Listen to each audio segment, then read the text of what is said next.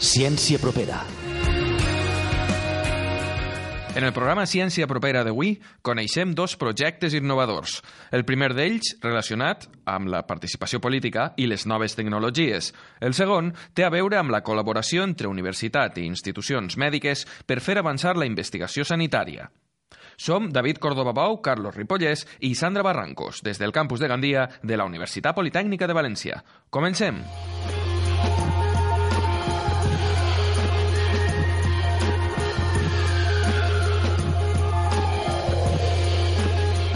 Estem amb Josep Escrivà, estudiant de comunicació audiovisual que, gràcies a una beca de la Càtedra Govern Obert de la Politècnica, està col·laborant en la construcció d'una xarxa de treball col·laboratiu per desenvolupar un format transmèdia en la retransmissió de plenaris municipals. Hola, bon dia, Josep. En què consisteix aquest projecte? Hola, bon, molt bon dia. L'objectiu del projecte és eh, construir un format més atractiu per a la, la retransmissió de, dels plenaris de l'Ajuntament. Tot això adaptant-ho als nous hàbits de consum audiovisual, per a que facilite la ciutadania que faci vincles amb, amb els afers públics i amb l'administració. Tot això ve donat a que no sé si heu tingut l'oportunitat de veure un ple i, i són prou avorrits o sigui, el ple, jo d'alguna forma el que pense és que pràcticament els interessats se'l veuen complet, perquè duren unes 4-5 hores i hi ha moltes intervencions que no es dona la informació, simplement és pues, donar compte de qualsevol assumpte. I no se dona la informació, per tant, estàs veient un contingut buit i el tema està en recurtar tots aquests temps morts i fer-ho en formats eh, adaptats als, no, als nous hàbits de consum, que seria, pues, per exemple, igual com consumim informació dels periòdics, fer-ho en, en comunicació institucional i política. És a dir, voleu fomentar la transparència política i la participació de la ciutadania en un moment en què les mentides s'escampen molt ràpidament gràcies a internet. Com plantegeu superar aquesta intoxicació? Volem fomentar la participació de la ciutadania, igual com la transparència, això és en l'àrea en general. El meu projecte sí que concreta en el tema de la comunicació. Per el que em preguntes de la infoxicació, això és un problema que ve donat de la gran quantitat d'informació que tenim disponible i sobretot per la velocitat a la que es difon. En aquests moments és molt complicat eh, destriar el que és rellevant del, del que no té cert rigor o és una falsetat que va per ahir mm, circulant per les xarxes socials. Per exemple, quan una notícia falsa es difon per una xarxa social com ves Facebook, si tu no tens l'hàbit o temps per a contrastar-la, te pareix que és una informació rellevant per a compartir-la als teus contactes i eres part d'aquesta mentida. Aleshores, així passa un poc que també certs investigadors o, o en premsa també se parla molt de la postveritat, de que estem en una etapa, una era en la que s'accepten les mentides i, i la gent configura la seva opinió sense contrastar les dades o sense basar-se en fets guiant-se per les emocions o per creences prèvies. Això com volem combatre-ho? Pues el meu projecte el que proposa és realment confiar en els profe professionals del periodisme i de la comunicació. Ara, la meva proposta és que els gabinets de premsa es configuren per professionals que tinguen la independència funcional que tenen els funcionaris. Bé, aquesta iniciativa s'inscriu dins de la Càtedra Govern Obert de la UPB. En què treballa la càtedra? Aquesta càtedra el que es dedica és a generar coneixement.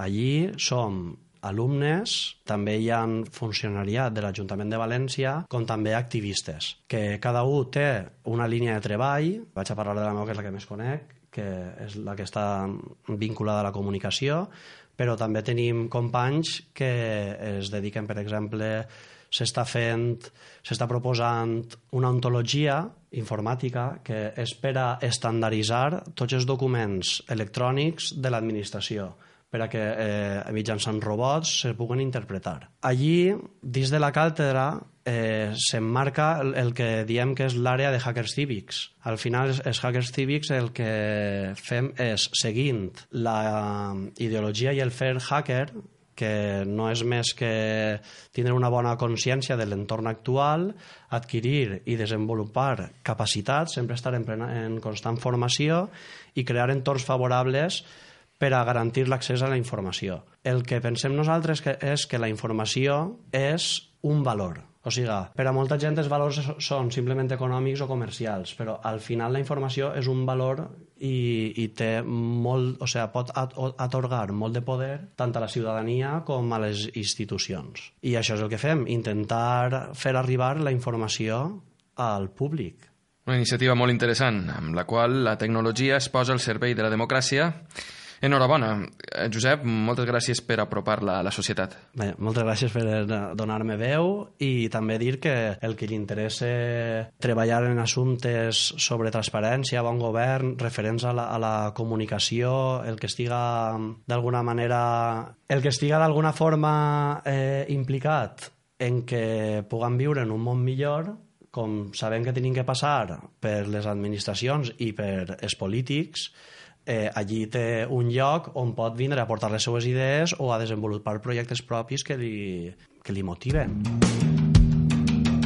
Innovació. Noves tecnologies. Biologia. Ciència. Canvi climàtic. Investigació. Report Ciència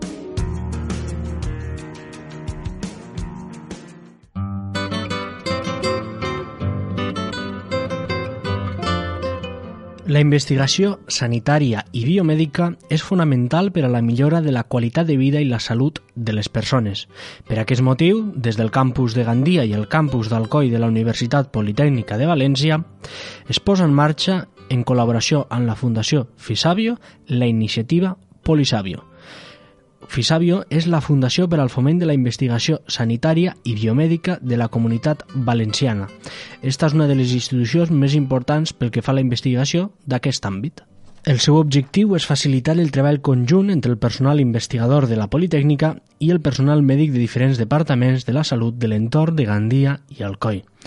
José Pellegrí, membre de l'equip directiu del campus de Gandia, és un dels coordinadors de la iniciativa. En concret, el que va fer-se és una primera fase, una jornada específica presentant programes en els centres hospitalaris, una en Gandia i una altra en Alcoi, que es pretén, a part de fer tota la presentació, eh, tindrem unes reunions bilaterals entre personal del centre hospitalari o d'altres centres que acudisquen a aquesta jornada i eh, personal investigador del campus per a coordinar i veure quines propostes d'investigació es poden portar a terme. Una volta es coordinen tant eh, un professional del sector mèdic amb un professional, un investigador de la Politècnica, facin una sol·licitud a unes ajudes que anem a traure per a incentivar la investigació en determinades línies dins d'esta part sanitària. A principis de juny serà una convocatòria d'ajudes d'uns 3.000 euros aproximadament per a que puguen desenvolupar un projecte d'investigació a nivell nacional o de comunitat. És, dir, és una quantitat xicoteta, però va ajudar a desenvolupar el que és la memòria, com fer tot el procediment de la investigació per a fer peticions de més gran volum i poder tindre finançament adequat per a fer una investigació necessària. Que els propis facultatius, ja siguin metges, farmacèutics o enfermeros, tinguen aquesta necessitat. Vagin trobat una necessitat i no sàpien com eh, desem desenvolupar-la, vale? buscant els eh, tecnològics que n'hi han corresponents.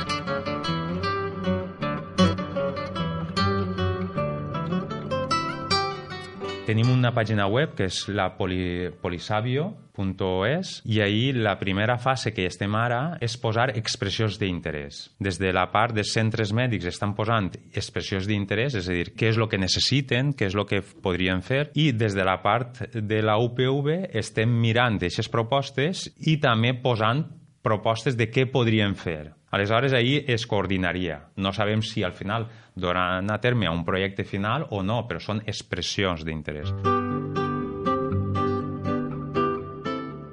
Una d'elles és el tema acústic i el tema electromagnètic, eh, el control de la part acústica i electromagnètica dins del sector de neonatos. Hi ha una proposta des d'un facultatiu d'un hospital que vol tindre un control, vol saber com pot estar afectant el camp electromagnètic i el camp acústic als neonatos, als xiquets que vas de néixer. Aleshores, des del campus de Gandia o el campus de la Goll, hi haurà una proposta de resposta a això, perquè així som experts.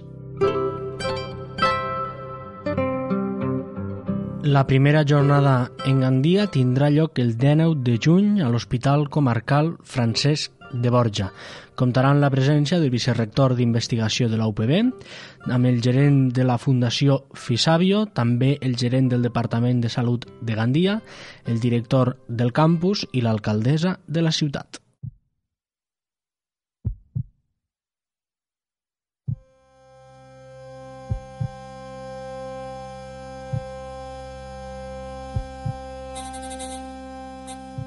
Què ens portes avui, Carlos? Vos portem una música de Germán Díaz i el seu projecte El Método Cardiofónico. Aprofitant que avui hem parlat d'investigació sanitària, que al final el que acabem parlant és de la vida, no n'hi ha res més senzill que de la vida que allò que és el batec del cor de qualsevol persona. Doncs a principis del segle XX, un doctor que s'anomenava el doctor Iriarte va gravar en uns discos de pissarra estos batecs del cor que sentim així. Aleshores farà uns 5 o 6 anys un músic de, de Valladolid, que és este Germán Díaz, com vos comentava, eh, va barrejar els batecs del cor que anaven acompanyant durant tot el concert acompanyat de la música de la viola de roda i d'altres instruments com per exemple el corn anglès o la trompeta. I el projecte que presentava era el continu dels batecs del cor acompanyat d'altres instruments.